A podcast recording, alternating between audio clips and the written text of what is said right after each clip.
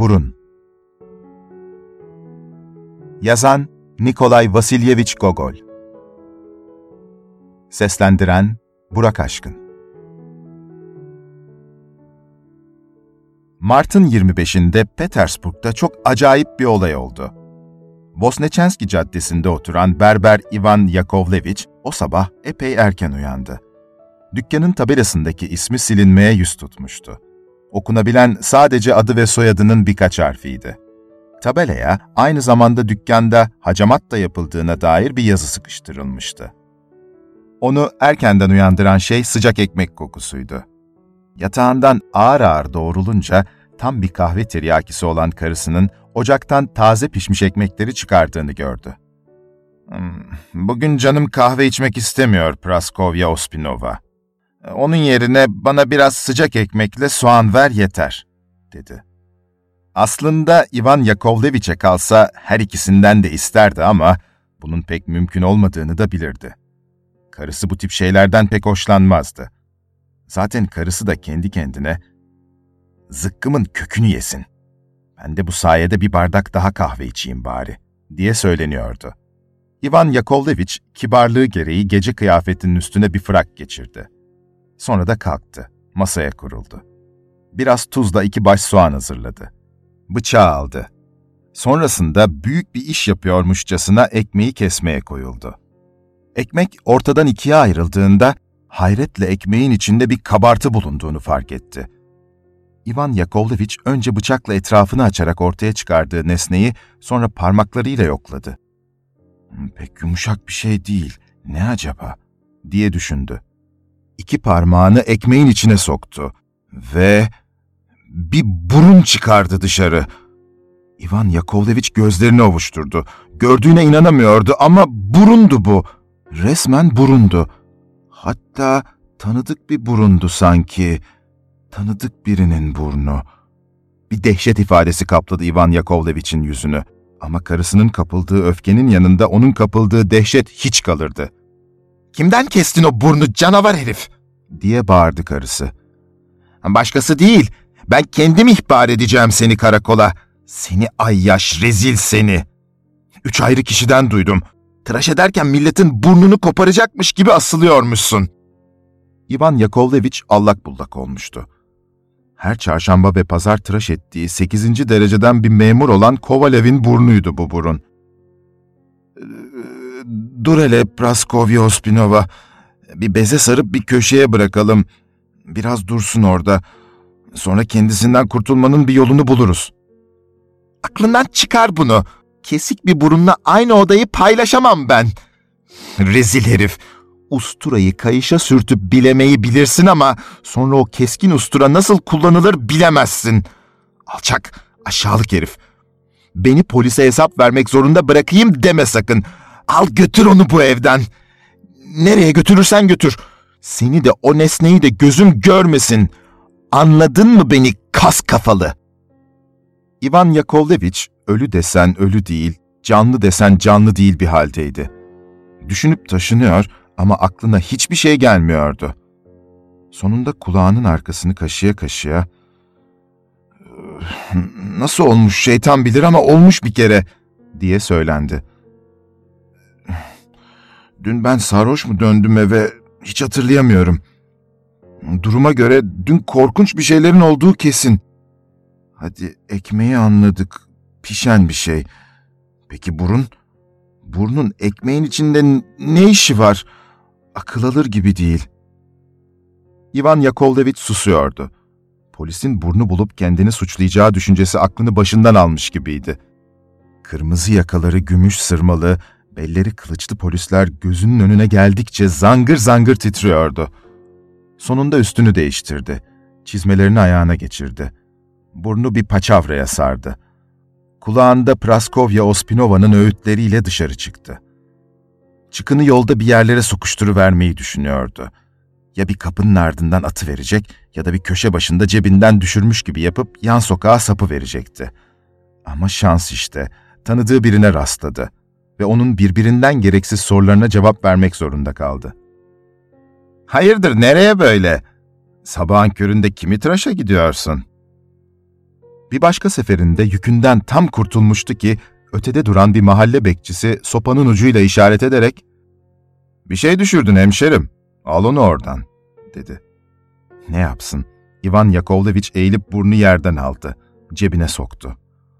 Umudu iyice kırılmaya başlamıştı.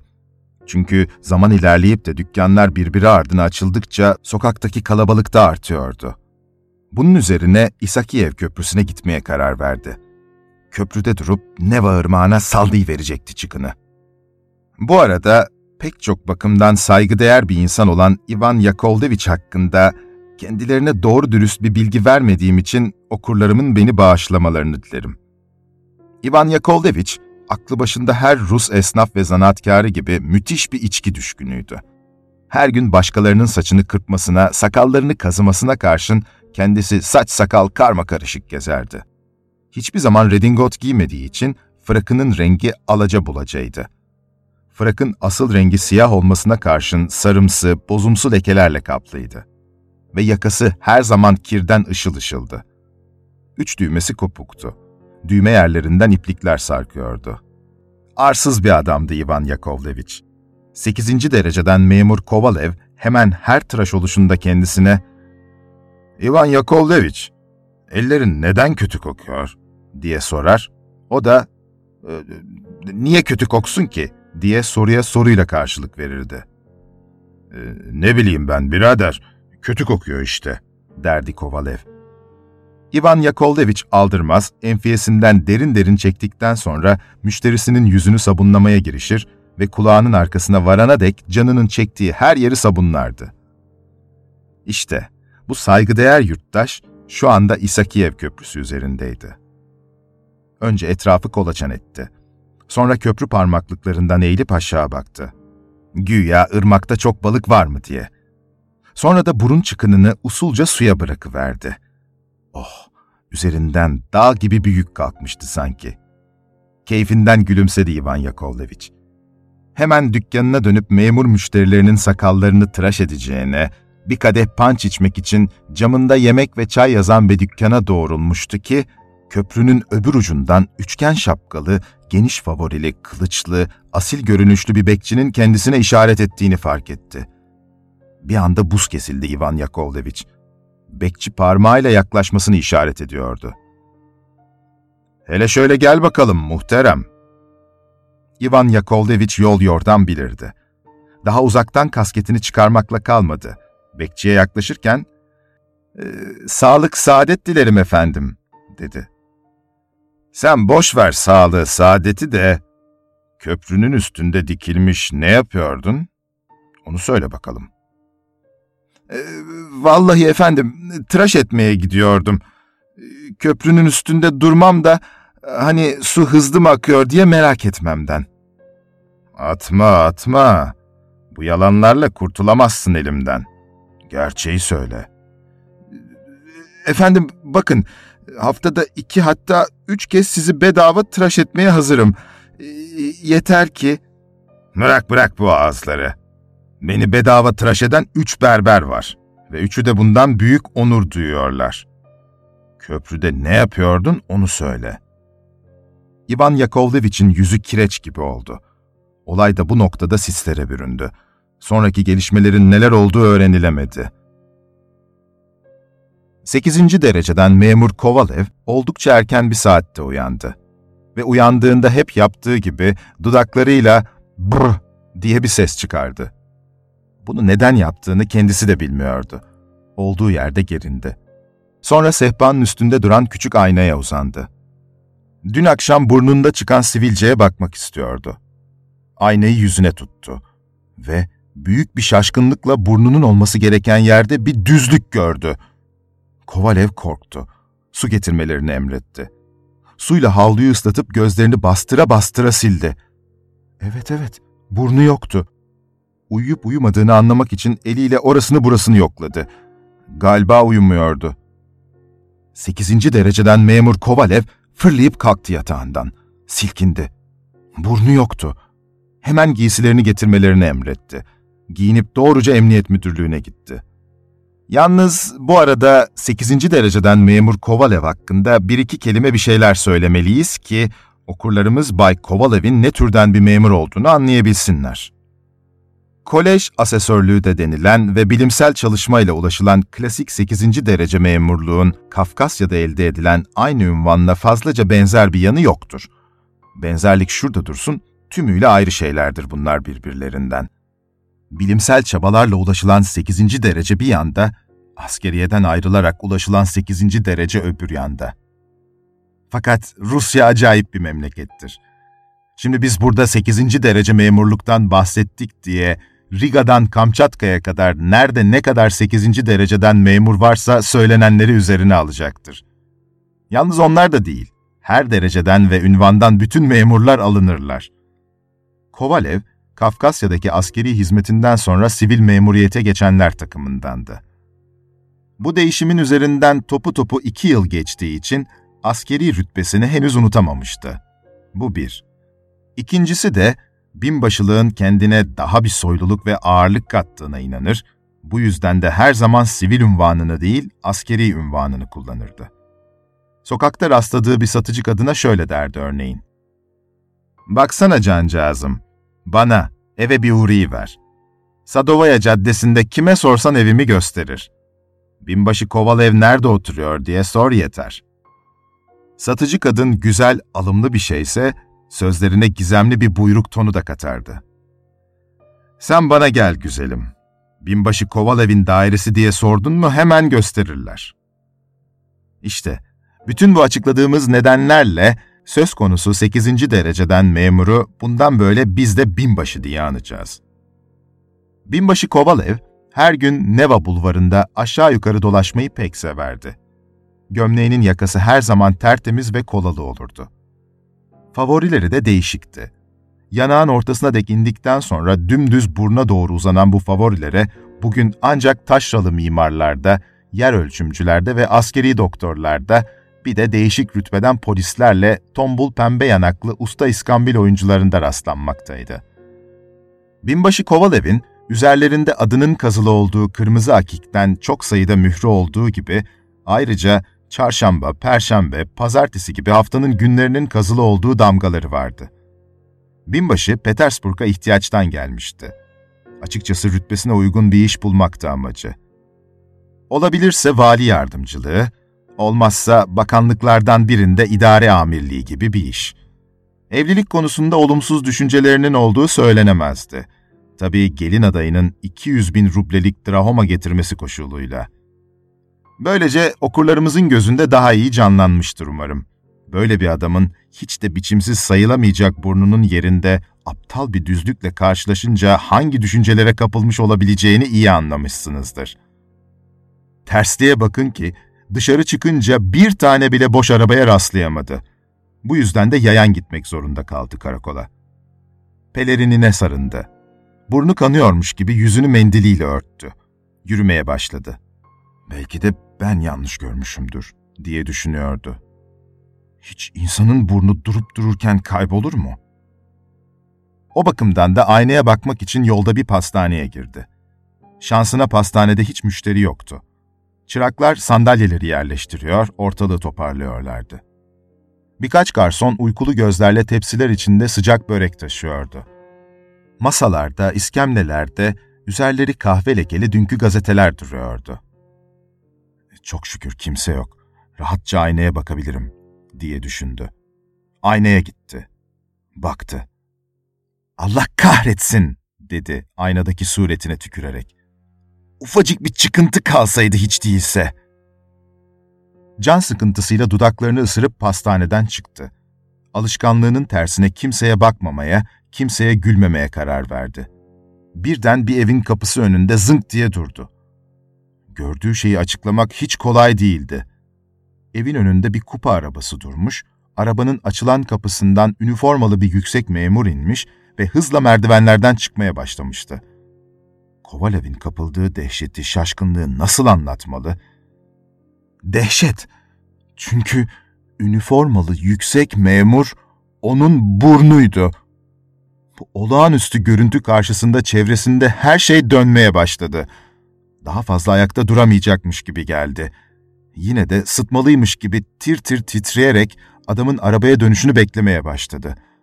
İki dakika sonra gerçekten de geri döndü. Burun. Üzerinde altın sırmalı, dik yakalı, çok gösterişli bir üniforma vardı. Güderi pantolonunun belinden bir kılıç sarkıyordu. Tüylü şapkasına bakılacak olursa üçüncü dereceden yüksek bir memur olmalıydı.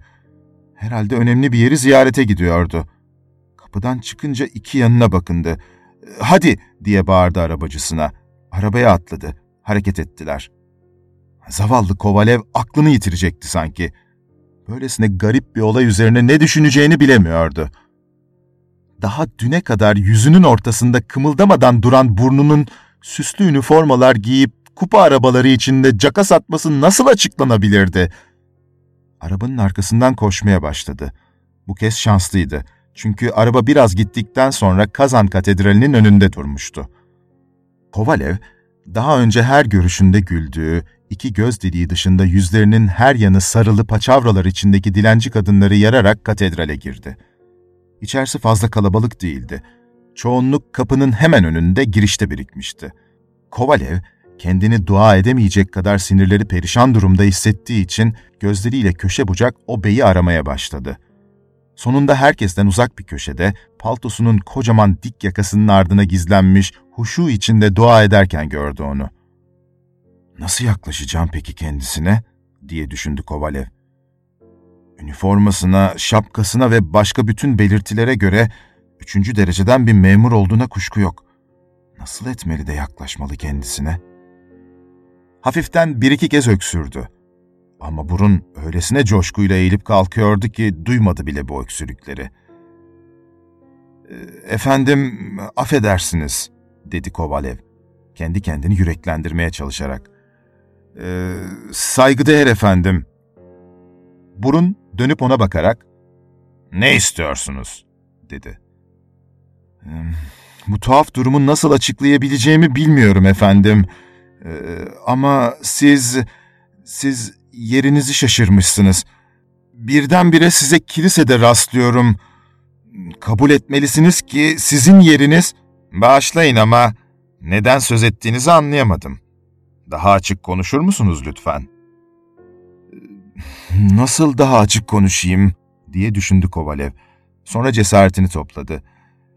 Ee, kuşkusuz ben... Aslında ben binbaşıyım efendim ve bir binbaşı olarak böyle burunsuz dolaşmam kabul edersiniz ki e, hiç hoş olmuyor. E, Voznesenski Köprüsü'nde dilimlenmiş portakal satan koca karılar arasında burunsuz olanlar var ve bu onlar için hiç önemli değil. Ama benim gibi nasıl söyleyeyim farklı bir durumum var benim. Kocası birinci dereceden şurayı devlet üyesi olan Bayan Çehtereva gibi çok önemli bayanların evlerine girip çıkan biri olarak ben... E, takdir edersiniz ki... duygularımı size açıklayabilmekten acizim efendim. Bağışlayın. Duruma mantıklı bir açıdan bakacak olursanız... Tabii vicdani mülahazalarınızı da bir yana bırakmadan... E, siz de kabul edersiniz ki... Gerçekten hiçbir şey anlamıyorum, dedi Burun daha doyurucu bir açıklama yapamaz mısınız? Kovalev başını dikip göğsünü ileri çıkartarak gururla e, ''Saygıdeğer bayım'' dedi. E, ''Daha nasıl açıklayayım bilmiyorum. Durum sanırım bütün çıplaklığıyla ortada. Ya da sizin istediğiniz belki... Her neyse. Siz... Siz benim burnumsunuz.''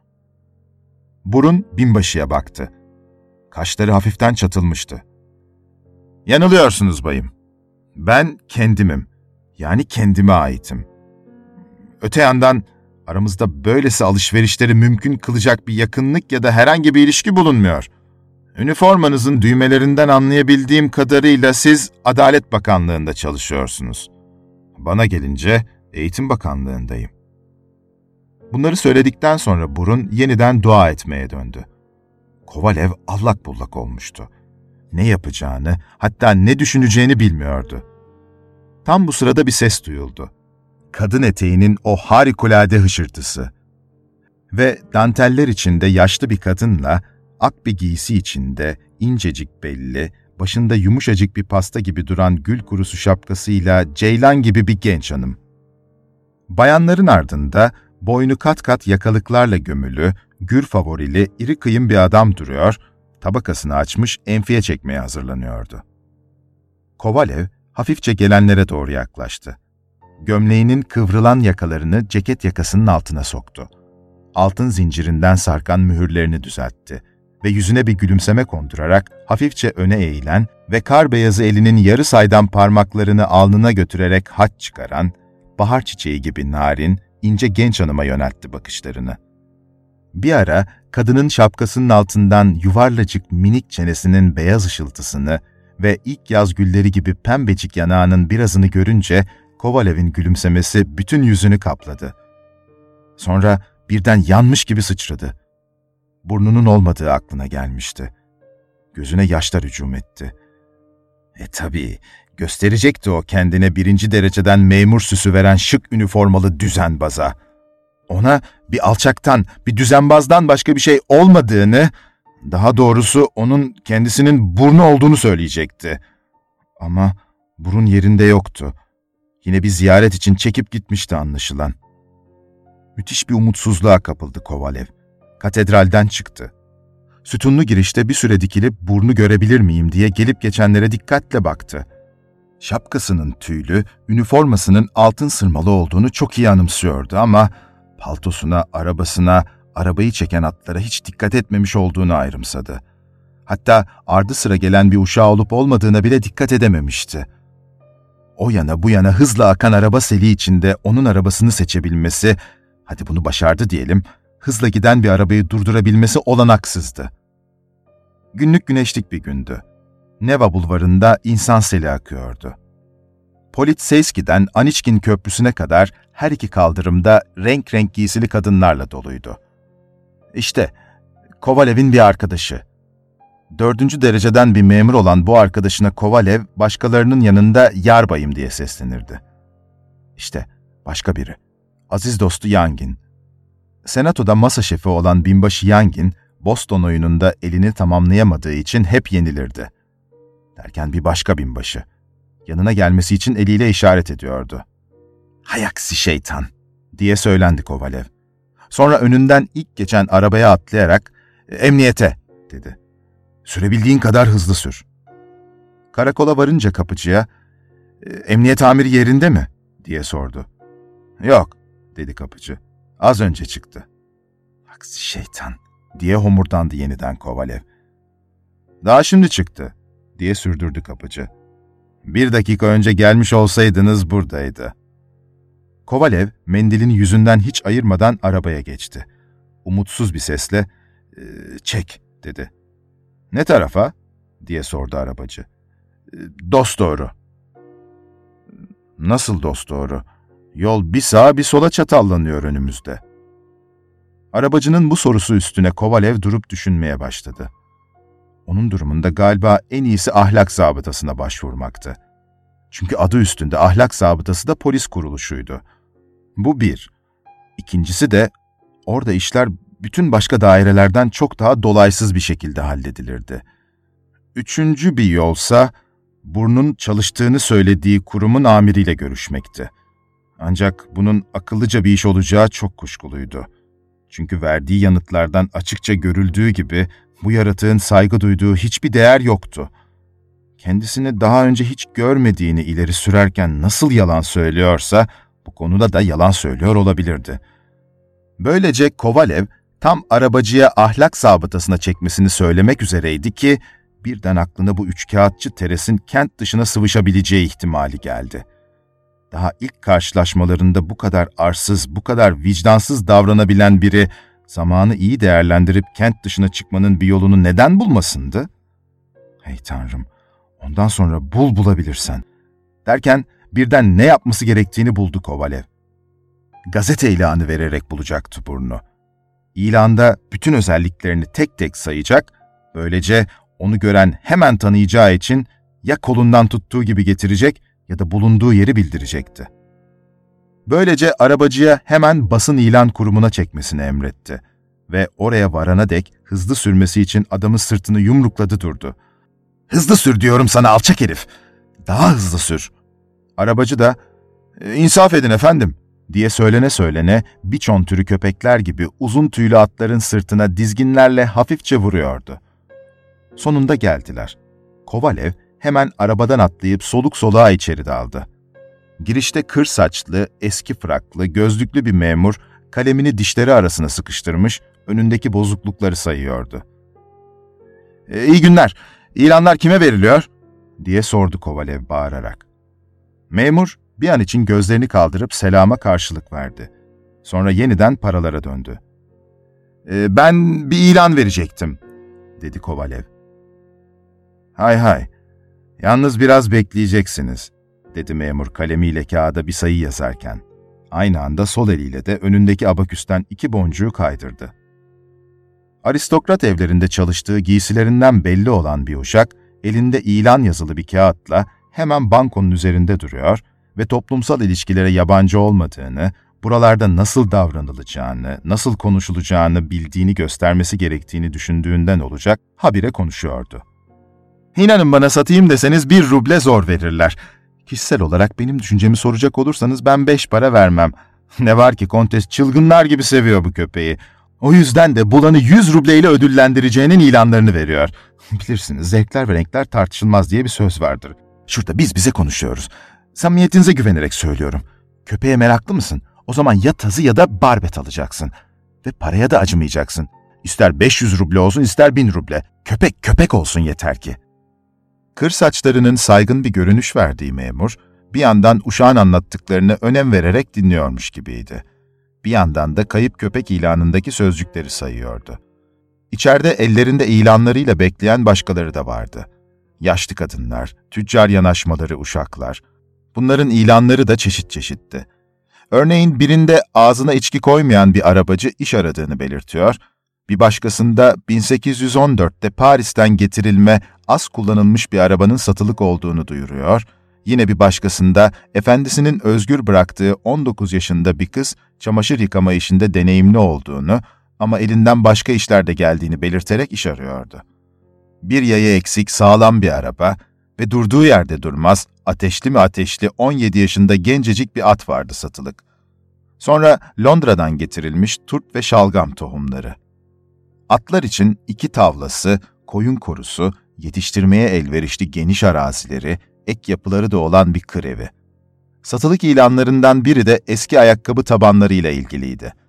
Kullanılmış ayakkabılara ait bu tabanları almak isteyenler saat 8 ile 15 arası başvurabilirlerdi. Bütün bu insanların bulundukları oda fazla büyük sayılmayacağı için içerisinin havası iyice ağırlaşmıştı. Ama 8. dereceden memur Kovalev hiçbir koku almıyordu. Çünkü yüzünü mendiliyle örtmüştü. Zaten burnu da yerinde yoktu. Kim bilir nerelerdeydi. Ee, beyefendi, lütfen sormama izin verin, diye atıldı sonunda. Dayanamadı. Acil bir durum. Bir saniye, bir saniye, diye karşılık verdi kırsaçlı memur. Bir yandan da makbuzları yaşlı kadınların, uşakların yüzlerine doğru fırlatarak hesaplarını söylüyordu. İki ruble 43 kapik. Ee, bir saniye. Bir ruble 64 kapik. Hemen bakıyorum. Sonunda Kovalev'e döndü. Buyurun, sizi dinliyorum. Benim ricam, nasıl söyleyeyim, şu ana dek bunun ne menen bir iş olduğunu kendim de anlayabilmiş değilim. Yalnız bana bu namussuzluğu yapan alçağı bulup getireni ciddi bir parayla ödüllendireceğimi yayınlamanızı istiyorum sizden. Lütfen adınızı, soyadınızı söyler misiniz? Niçin? Ne yapacaksınız adımı soyadımı? Asla söylemem bunu. Ee, pek çok tanıdıklarım var benim. Birinci dereceden memur dolu Bayan Çahtereva, kurmay subay dolu Bayan Palagaya Grigoryevna, e, Pottoçina. E, bunlar benim hep yakın dostlarımdır. Bir öğrenirlerse bunun ben olduğumu, e, Tanrı korusun. Yalnızca sekizinci dereceden memur diye yazın. Ya da daha iyisi binbaşı deyin. Affedersiniz, bir köleniz mi kaçtı? Ne kölesi? Hem o bile benim uğradığım dolandırıcılığın yanında hiç kalır.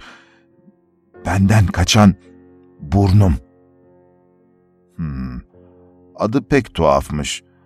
Peki bu Brunov çok fazla şeyinizi götürmüş mü kaçarken?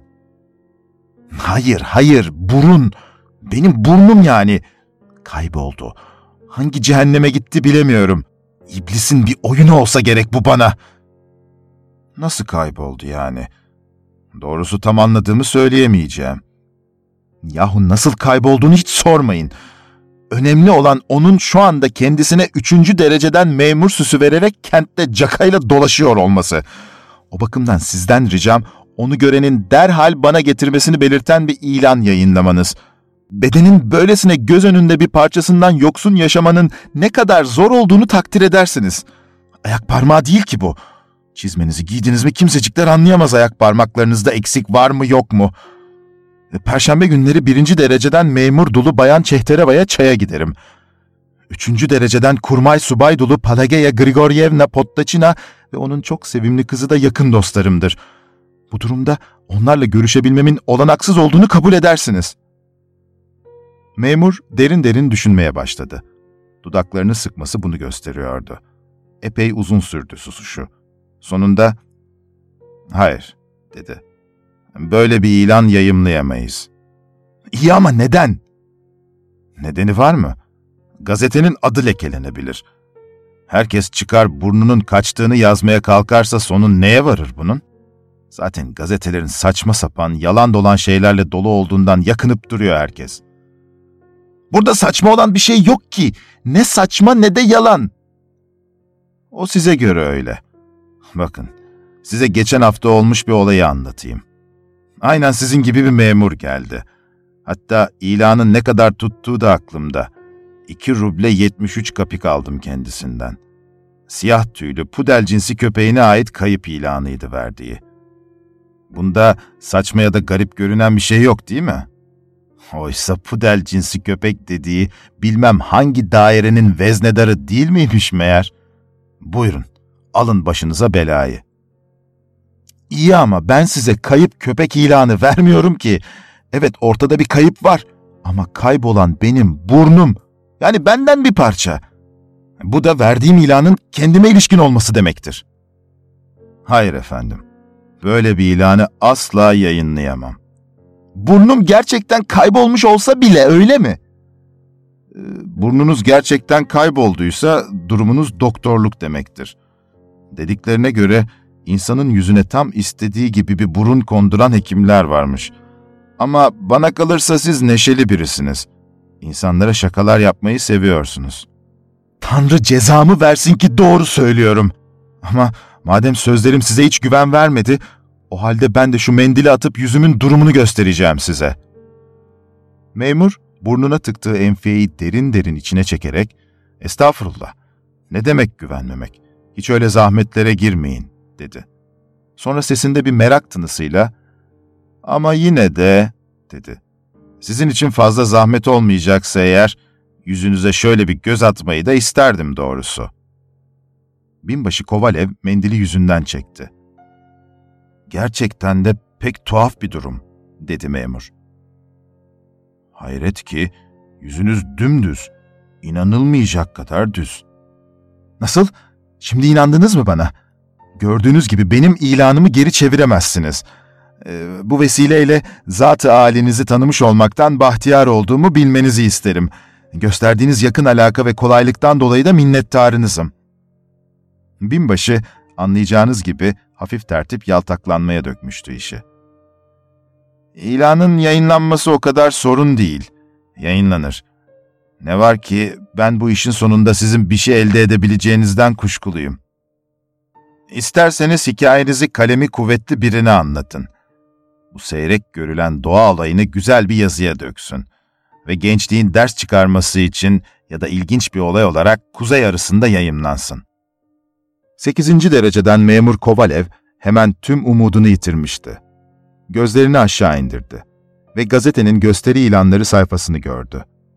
Orada güzel bir bayan oyuncunun adını okuyunca yüzüne bir gülümseme yayıldı. Eli cebine gitti. Bir mavi onluk var mı diye cebini yokladı. Evet, mavi onluk. Çünkü Kovalev'in düşüncesine göre kurmay subaylar temsilleri yalnızca parterden izlemeliydi. Ama burnu aklına gelince bütün neşesi kaçtı. Kovalev'in içinde bulunduğu zor durum ilan memuruna da dokunmuş gibiydi. Onun acısını biraz olsun azaltabilmek için derdini paylaştığını gösterir bir çift söz söylemekten kendini alamadı. Doğrusu başınıza gelen bu tuhaf duruma çok üzüldüm. Biraz enfiye çekmez miydiniz? Hem baş ağrısına iyi gelir hem can sıkıntısına. Basur'a bile iyi geldiğini söyleyebilirim. Enfiye kutusunu Kovalev'e uzattı. Bu arada üzerinde şapkalı bir kadın resmi bulunan kutu kapağını becerikli bir el hareketiyle aşağı çevirivermişti. Bu beklenmedik davranış Kovalev için bardağı taşıran son damla oldu. ''Böyle bir durumda nasıl şaka yapabiliyorsunuz anlayamıyorum.'' dedi. ''Tam da benim enfiye çekecek organım yokken ve siz de bunu biliyorken yerin dibine batsın sizin enfiyeniz. Kullandığınız o iğrenç tütünü değil, birinci sınıfını bile getirseniz koklanacak şeyler görmek istemiyorum ben.'' Bunları söyledikten sonra kahrolmuş bir durumda ilan kurumundan ayrıldı yeniden emniyet amirinin evine yollandı. Müthiş bir şeker düşkünü olan emniyet amirinin evinde bütün antre, yemek odası çeşitli ticaret erbabının dostluk adına armağan getirdikleri şekerlerle doluydu. Aşçı kadın, yorucu sabah çalışmalarının ardından eve gelen amirin uzun süvari çizmelerini, kılıç, dizlik, yakalık, kolluk gibi bütün metal parçalarını çıkarmıştı. Amir'in 3 yaşındaki oğlu bir köşede babasının insanın içine korkular salan ünlü üç köşeli şapkasıyla oynarken, Amir Bey, devlet için cengaverce verdiği mücadelelerden sonra hayatın tadını çıkarmaya hazırlanıyordu. Kovalev, tam da adamın şimdi iki saat uyku çekecek olmak ne güzel diyerek tatlı tatlı gerindiği bir anda içeri girmişti. Yani bunun da bir iş ziyareti için son derece münasebetsiz bir zaman olduğunu kestirmek zor olmasa gerek. Emin değilim ama Kovalev şu anda elinde birkaç kilo çay ya da elbiselik bir kumaş da bile gelmiş olsaydı fazla güler yüzle karşılanmazdı gibime geliyor. Emniyet amirinin her türden fabrika ya da el sanatı ürününe karşı müthiş bir ilgisi ve sevgi dolu bir yaklaşımı vardı. Fakat devletin Merkez Bankası'nın bastığı banknotları her şeye yeğlerdi. Bu ne güzel bir şey, derdi zaman zaman banknotlar için. Dünyada bundan güzel hiçbir şey olamaz. Yemek istemez, içmek istemez. Az yer tutar. Cebine bile sığar. Düşürürsün bir yerine bir şeycik olmaz. Emniyet amiri Kovalev'i hayli soğuk karşıladı ve öğleden sonranın kovuşturma yapmak için uygun bir zaman olmadığını, çünkü yemekten sonra dinlenme gerekliliğinin bir bakıma doğanın bir buyruğu olduğunu söyledi. 8. dereceden memur Kovalev de bu sözlerden emniyet amirinin eski bilgilerin seçkin sözlerinden habersiz olmadığını anlamış oldu. Amir bu kadarla da yetinmedi. Kendi halinde namuslu insanların burunlarının durduk yere koparılmayacağını, ortalığın uygunsuz yerlerde dolaşıp duran ne ödüğü belirsiz binbaşılarla dolu olduğunu söyledi. Yani kaşından kirpiğinden falan değil, tam göz bebeğinden, en duyarlı olduğu yerden vurdu Kovalev'i. Daha önce belirtmemiştim sanırım. Binbaşı aşırı alıngan bir insandı. Kendisi hakkında söylenebilecek her sözü bağışlardı ama rütbesine, ünvanına laf edildi mi olay orada biterdi. Hatta tiyatrolarda bile az subaylara falan laf dokunduruldu mu aldırmazdı da sıra kurmay subaylara geldi mi hiç dayanamazdı. Emniyet amirinin tavrını öylesine utanç verici bulmuştu ki başını silkerek yukarı kaldırdı kollarını hafifçe iki yana açtı. Tam bir öz saygısıyla, ''Bu incitici sözlerinizden sonra itiraf ederim ki size söyleyecek hiçbir sözüm kalmamış bulunuyor.'' dedi ve çıktı. Eve döndüğünde ayakta zor duruyordu. Hava kararmaya başlamıştı. Bütün bu başarısız koşuşturmalardan sonra evi ona son derece hüzün verici, hatta dayanılamayacak ölçüde iğrenç geldi. Antreye girdiğinde uşağı Ivan'ı külüstür deri kanepeye sırt üstü uzanmış, tavanda bir noktaya tükürür buldu. Ivan tükürüğüyle hep aynı noktayı tutturmaya çalışıyordu ve bunda da oldukça başarılıydı. Uşağın bu kayıtsızlığı onu büsbütün çileden çıkardı. Adamın alnına bir şaplak atıp, ''Hep böyle saçmalıklarla uğraşırsın.'' dedi. Ivan fırlayıp yerinden kalktı ve efendisinin sırtından pelerinini almak için atıldı. Odasına girince binbaşı külçe gibi bir koltuğa yığıldı. Birkaç kez derin derin göğüs geçirdi. En sonunda, ''Tanrım, Tanrım'' diye mırıldandı. bu büyük acıyı ne yaptım da hak ettim? Elsiz kolsuz kalaydım bundan daha iyiydi. Ne kadar iğrenç bir şey olursa olsun kulaksız kalmaya bile katlanabilirdim. Ama bu... insan burunsuz nasıl yaşayabilir? Burunsuz bir insan nedir? Kuş desen değil, insan desen değil. Böyle bir yaratığı tut kolundan, pencereden fırlat at. Savaşta ya da düelloda kaybetseydim burnumu bu kadar gam yemezdim. Ya da herhangi bir şekilde ondan yoksun kalmamı doğuracak bir davranışta bulunmuş olsaydım. Ama ortada hiçbir şey yokken, durup dururken yok olup gitti. Ama hayır, olamaz böyle bir şey. Bir burnun kaybolması akıl alacak bir şey değil. Kesinlikle akıl alacak bir şey değil. Bütün bunlar ya hayal ya düş. Belki de tıraştan sonra yüzüme sürdüğüm vodkayı yanlışlıkla su niyetine içiverdim. Tabii ya, İvan olacak ahmak kaldırmadı. Ben de su sanıp içtim. Sarhoş olup olmadığını anlamak, daha doğrusu sarhoş olmadığına kani olmak için kendini sertçe çimdikledi. Anlaşılan biraz fazla sert olmuştu çimdiği. Acıdan bir çığlık attı. Bu acı ona düşte değil gerçekte olduğunu kanıtlayıvermişti. Usulca aynaya yaklaştı. Burnunun belki de yerine gelivermiş olabileceği umuduyla sımsıkı yumduğu gözlerini bir çizgi gibi aralayıp korka korka aynaya baktı. Bakmasıyla da kendisini geriye atması bir oldu. Yine o iğrenç surat. Aslında gerçekten de anlaşılır gibi değildi durum. Düğme, gümüş, kaşık, saat gibi bir şey kaybolmuş olsaydı anlaşılırdı.'' E, kaybolur kaybolur. Ama bu, bu bambaşka bir şeydi. Üstelik de insanın kendi evinde. Binbaşı bütün olasılıkları tek tek değerlendire değerlendire sonunda gerçeğe en yakın olasılığa varıp dayandı. Bu iş onu kızıyla evlendirmeye uğraşan kurmay subay dulu Pottoçina'nın işiydi. Evet, binbaşı da askur yapmamıştı kızı ama iş beraberliğin perçinlenmesine gelince yan çizi vermişti.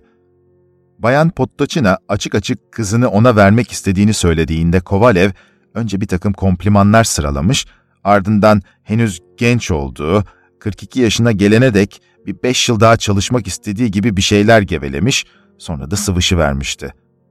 O bakımdan kadın kendisinden öç almak istemiş, bunu sağlamak için de bir büyücü koca karıya başvurmuş olsa gerekti. Çünkü burnu kesilmiş olamazdı. Eve yanına kimse gelmemişti.'' Bu birincisi. İkincisi ise berberi Ivan Yakovlevich kendisini çarşamba günü tıraş etmişti. Ve hem çarşamba günü boyunca hem de ertesi gün perşembe günü burnun eksiksiz sağlam yerinde olduğundan emindi. Kaldı ki burnu kendisinden alınırken acı duyması gerekirdi ve o hiçbir acı duymamıştı. Hadi bunu da geçelim. Yara yeri bu kadar tez iyileşmezdi.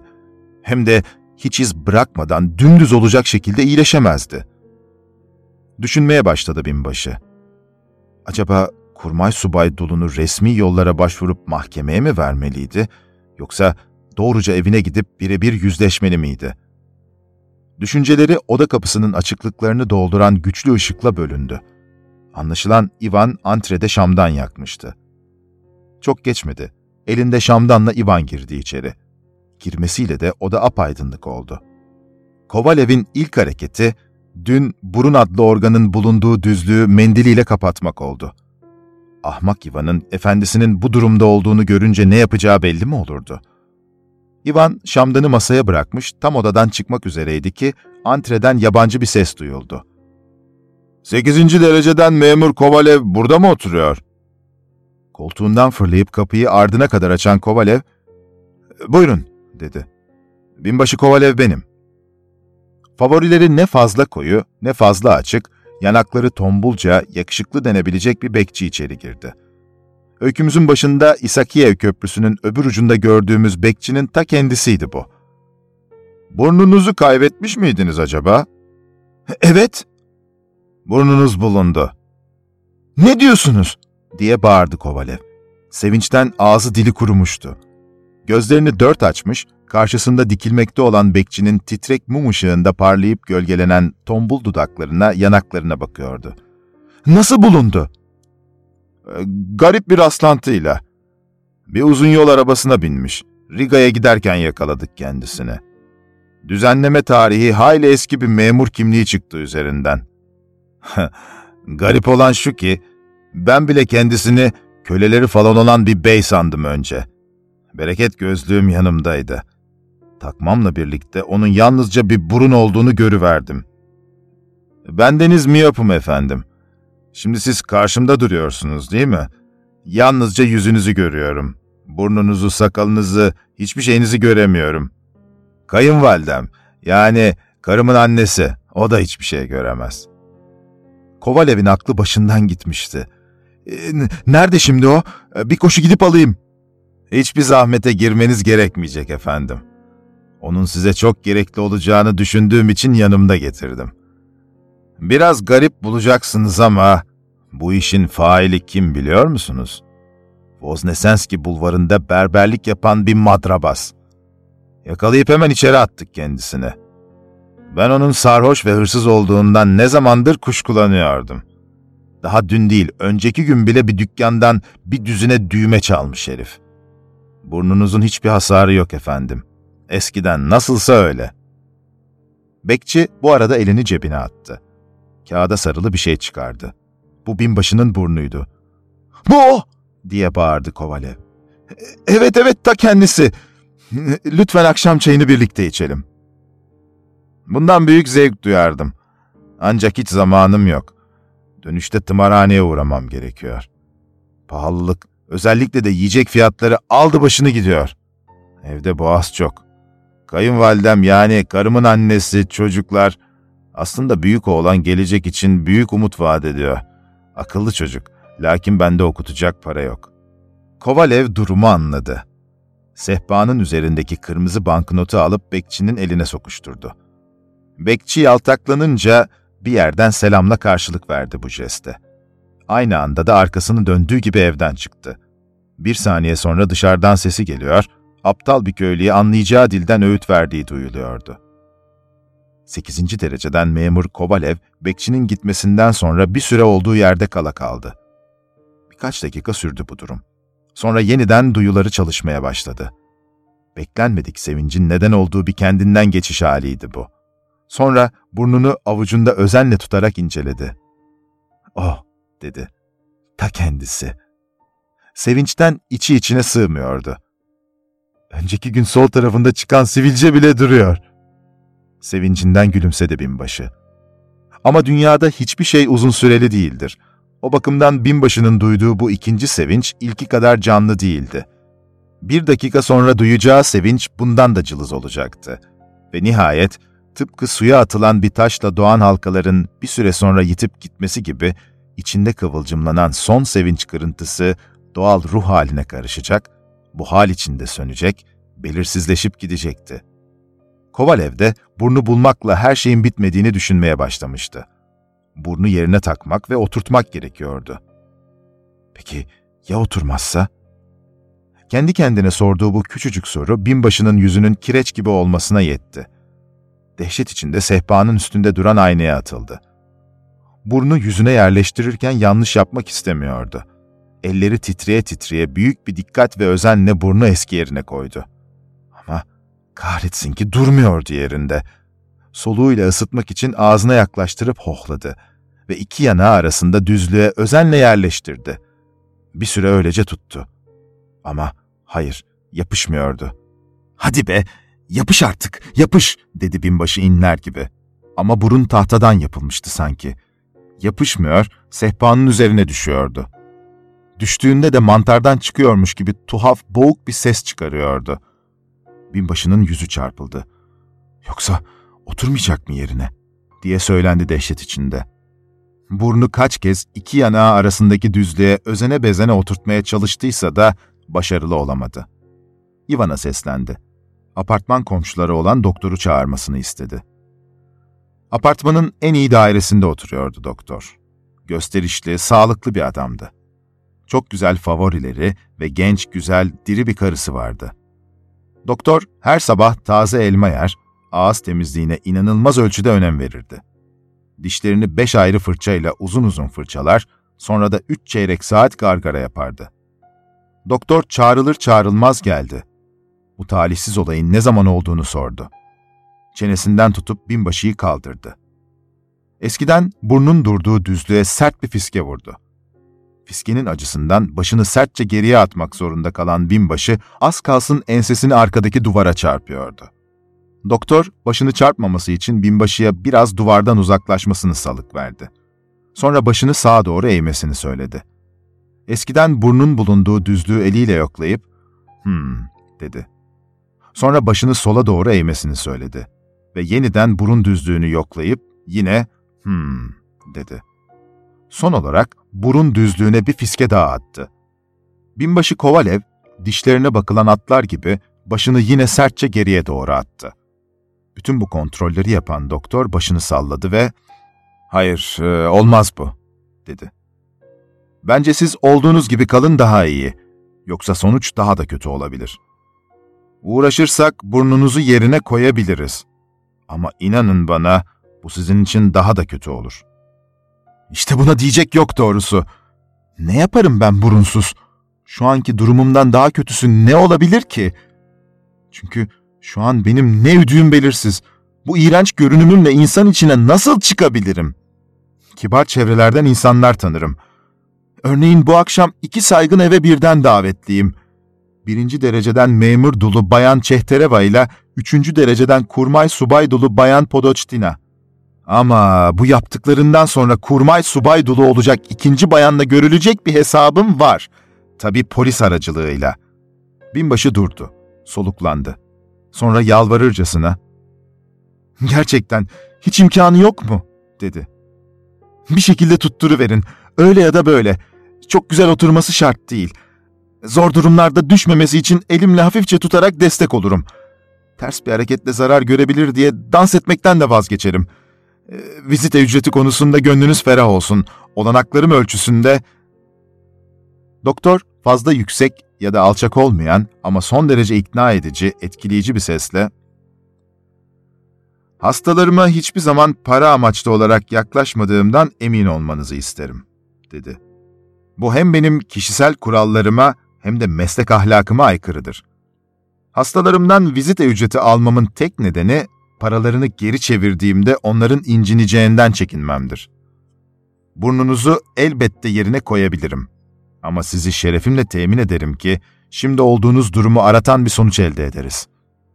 İşi oluruna bırakın. Kendinizi doğanın ellerine teslim edin. Sık sık soğuk suyla yıkayın burnunuzu. İnanın bana burunsuzken de burnunuz varmış gibi sağlıklı bir yaşamınız olacak. Burnunuza gelince, alkolle doldurduğunuz cam bir kavanoza koyun. 2 çorba kaşığı vodka ile biraz da sirke eklerseniz daha da iyi olur. Burnunuzu satıp iyi bir para kazanabilirsiniz. Hatta fazla yüksek bir rakam söylemezseniz ben de alabilirim. Binbaşı kahrolmuştu. Umutsuzca, hayır hayır diye bağırdı. Asla satmam onu. Çürüyüp gitsin daha iyi. Doktor eğilip selam vererek, özür dilerim dedi. Size yardımcı olmak isterdim. Ama yapabilecek bir şey yok. Ne kadar çırpındığımı gördünüz. Doktor başı dik, burnu hafif havada, soylu bir edayla çıktı gitti. Tam bir duyumsuzluk içine düşen Kovalev başını kaldırıp onun yüzüne bile bakmadı. Dikkatini çeken bir tek siyah frakının kol ağızlarından görünen kar gibi beyaz temiz gömleğinin manşetiydi. Ertesi gün resmi şikayette bulunarak savaşı başlatmadan önce Kurmay Subay Dolu'na bir mektup yazıp kendisine vermesi gereken şeyi tatlılıkla vermesini istemeye karar verdi. Sayın Bayan Aleksandra Grigoryevna, doğrusu bu tuhaf davranışınızı anlamakta güçlük çekiyorum. Böyle davranmakla elinize bir şey geçmeyecek, beni kızınızla evlenmeye zorlayamayacaksınız. Burnumun başına gelenlerle ilgili olarak her şeyi biliyorum. Yani bu olayın sizin başınızın altından çıktığı benim için bir sır değildir.'' Burnumun yerinden ayrılıp kaçmasının ve önce bir memur görüntüsüne bürünerek, daha sonra ise yeniden kendi görüntüsüne bürünerek dolaşmasının büyücülüğü soylu bir uğraş sayanların, yani sizlerin bir marifeti olduğunu da biliyor ve sizi uyarıyorum. Yukarıda söze edilen burun, eğer bugün akşama kadar yerine gelmezse, yasaların koruyuculuğuna sığınacağım. Sadık hizmetkarınız olmaktan şeref duyarak, saygılarımla. Platon Kovalev Sayın Bay Platon Kuzmiç, mektubunuz beni çok şaşırttı. Bu haksız çıkışmaların özellikle de sizden gelmesi itiraf etmeliyim ki beni çok şaşırttı. Mektubunuzda sözüne ettiğiniz memurun ne kendi görünüşü ne de bir başka görünüş altında evime kabul etmediğimi bilmenizi isterim. Evet, evime gelen biri oldu. Filip Ivanovich Potançikov geldi. Ama o da ağzına içki koymayan, terbiyeli, akıllı ve son derece bilgin bir kişi olarak kızımla evlenme isteğini dile getirmek için geldi. Ve ben de kendisine bu hususta asla umut vermedim.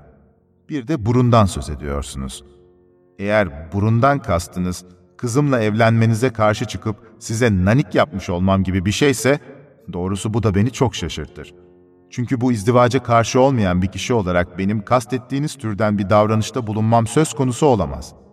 Şimdi bile usulüne uygun bir biçimde kızıma dünür gönderdiğiniz takdirde isteğinizin yerine geleceğinden emin olabilirsiniz. Çünkü bu izdivaç bildiğiniz gibi benim aziz emelimdir. Bu duygularla emirlerinizi yerine getirmeye her zaman hazır olduğumu bildiririm efendim. Alexandra Pottoçina Hayır, hayır. Kadın suçlu değil, diye düşündü Kovalev. En ufak bir suçluluk duygusu sezilmiyor mektupta. Suçlu olan biri asla böyle şeyler yazamaz. Boş yere söylemiyordu bunları binbaşı. Kafkasya'dayken birkaç kez soruşturma yürütmekle görevlendirilmişti. Bu konuda bilgi ve deneyim sahibiydi. Çaresizlik içinde elleri iki yanına düştü binbaşının. Peki, öyleyse nasıl açıklanacak bu başıma gelenler? Ancak şeytan çıkabilir böyle bir şeyin içinden. Bu arada başkent bu acayip olayla ilgili abartılmış söylentilerle çalkalanmaya başladı. Zaten herkesin aklı fikri olağanüstü olaylardaydı o sıralar. En son bir manyetizma deneyiminin etkileri herkesin belleğinde taptaze duruyordu. Konyuşennaya Caddesi'ndeki dans eden sandalyeler olayı da zihinleri epey meşgul eden olaylardan biri olmuştu. O bakımdan 8. dereceden memur Kovalev'in burnunun Neva bulvarında saat tam üçte dolaştığı öyküsüne herkesin dört elle sarılmasında şaşılacak bir an yoktu. Her gün meraklı kalabalıklar doluştu durdu burnun dolaştığı söylenen yerlere. Birisi burnun Yunsker mağazasında alışveriş ettiği söylentisini çıkarınca mağaza çevresinde öyle bir kalabalık oluştu ki polis çağırmak zorunda kalındı. Hatta bir tiyatronun girişinde şekerleme, çörek gibi şeyler satan gür favorili, saygıdeğer görünüşlü uyanık bir girişimci, özel olarak tahta tabureler yaptırarak meraklılara tanesi 80 kapikten kiralamaya başladı. Kıdemli albayın biri, sabah evinden özellikle erken çıkmasına karşın yine de kalabalığı güçlükle yararak mağazanın vitrinine güç bela yaklaştığında, mağazada burun falan olmadığını görünce müthiş öfkelendi. Vitrinde sıradan bir kazakla taş basması bir resim vardı. Belki on yıldır hiç yerinden oynatılmadan burada duran bu tabloda çorabını düzeltmek için eğilmiş bir kız ve ağaçların ardında onu izleyen, yeleğinin önü açık, keçi sakallı bir zampara resmedilmişti. Vitrinin önünden geri çekilirken albay, can sıkıntısıyla şöyle söyleniyordu. Aptalca saçmalıklarla halkın kafasını nasıl da karıştırıyorlar. Derken bir başka söylenti kapladı ortalığı. Binbaşı Kovalev'in burnu güya Neva bulvarında değil, Tavriçeski Parkı'nda dolaşıyordu. Hem de ta Hüsrev Mirza zamanından beri buralardaydı burun. Hatta genç prens de tabiatın bu garip cilvesi karşısında şaşırıp kalmıştı. Tabii hemen Cerrahi Akademisi öğrencileri parka akın ettiler. Kentin ileri gelenlerinden saygıdeğer bir hanım park yönetimine yazılı başvuruda bulunarak bu pek sık rastlanmayan doğa olayının çocuklarına gösterilmesi, eğer mümkünse bu işin gençler için eğitici, öğretici dersler çıkaracak açıklamalarla yapılması isteğinde bulundu. Bütün bu söylentiler, sosyete toplantılarında şık hanımları güldürmeyi iş edinmiş ama son zamanlarda konu sıkıntısı çekmeye başlayan sosyete züppelerini pek sevindirdi.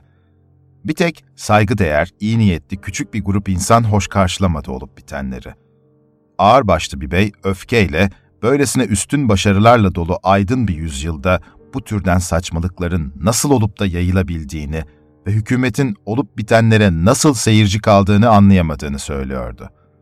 Görüldüğü kadarıyla bu bay hükümetin her işe karışmasını, hatta evinde karısıyla yaptığı gündelik kavgalara bile el koymasını isteyenlerdendi. Derken bir başka. Ama işte burada olaylar yeniden kalın bir giz perdesine bürünüyor. Dünyada ne saçmalıklar oluyor. Bazen her şey gerçek dışıymış gibi geliyor insana. Kentte üçüncü dereceden bir memur gibi dolaşan ve bunca gürültüye neden olan Burun Hazretlerinin bir gün yeniden binbaşı Kovalev'in iki yanağı arasındaki eski yerlerinde bitivermesine ne buyrulur? Nisan'ın yedisiydi. Uyanıp gözleri tesadüfen aynaya ilişen binbaşı ne görsün? Burnu. Elini götürüp dokundu. Evet, resmen burnuydu bu. Dedi sevinç içinde. Az kalsın yalın ayak odanın ortasına fırlayıp sevinçten dans edecekti ki Ivan girdi içeri. Yüzünü yıkaması için su getirmesini söyledi Ivan'a. Yıkanırken bir kez daha baktı aynaya. Burun. Havluyla yüzünü kurularken yeniden yokladı. Evet evet burun. Baksana Ivan, sanırım bir sivilce çıkmış burnumda, dedi. Bir yandan da Ivan'ın, hayır efendim, burnunuzun üzerinde sivilce falan yok. Çünkü burnunuz yok diyeceğinden korkuyordu. Ama Ivan, hayır efendim, sivilce falan yok, tertemiz burnunuz, dedi. Binbaşı keyifle parmak şakırdatıp, harika, dedi. Canı cehenneme sivilcenin. Bu sırada kapıdan berber Ivan Yakovlevich'in başı uzandı. Adam o kadar ürkekti ki az önce ciğer aşırırken yakalanıp da dayak yemiş kedi gibiydi.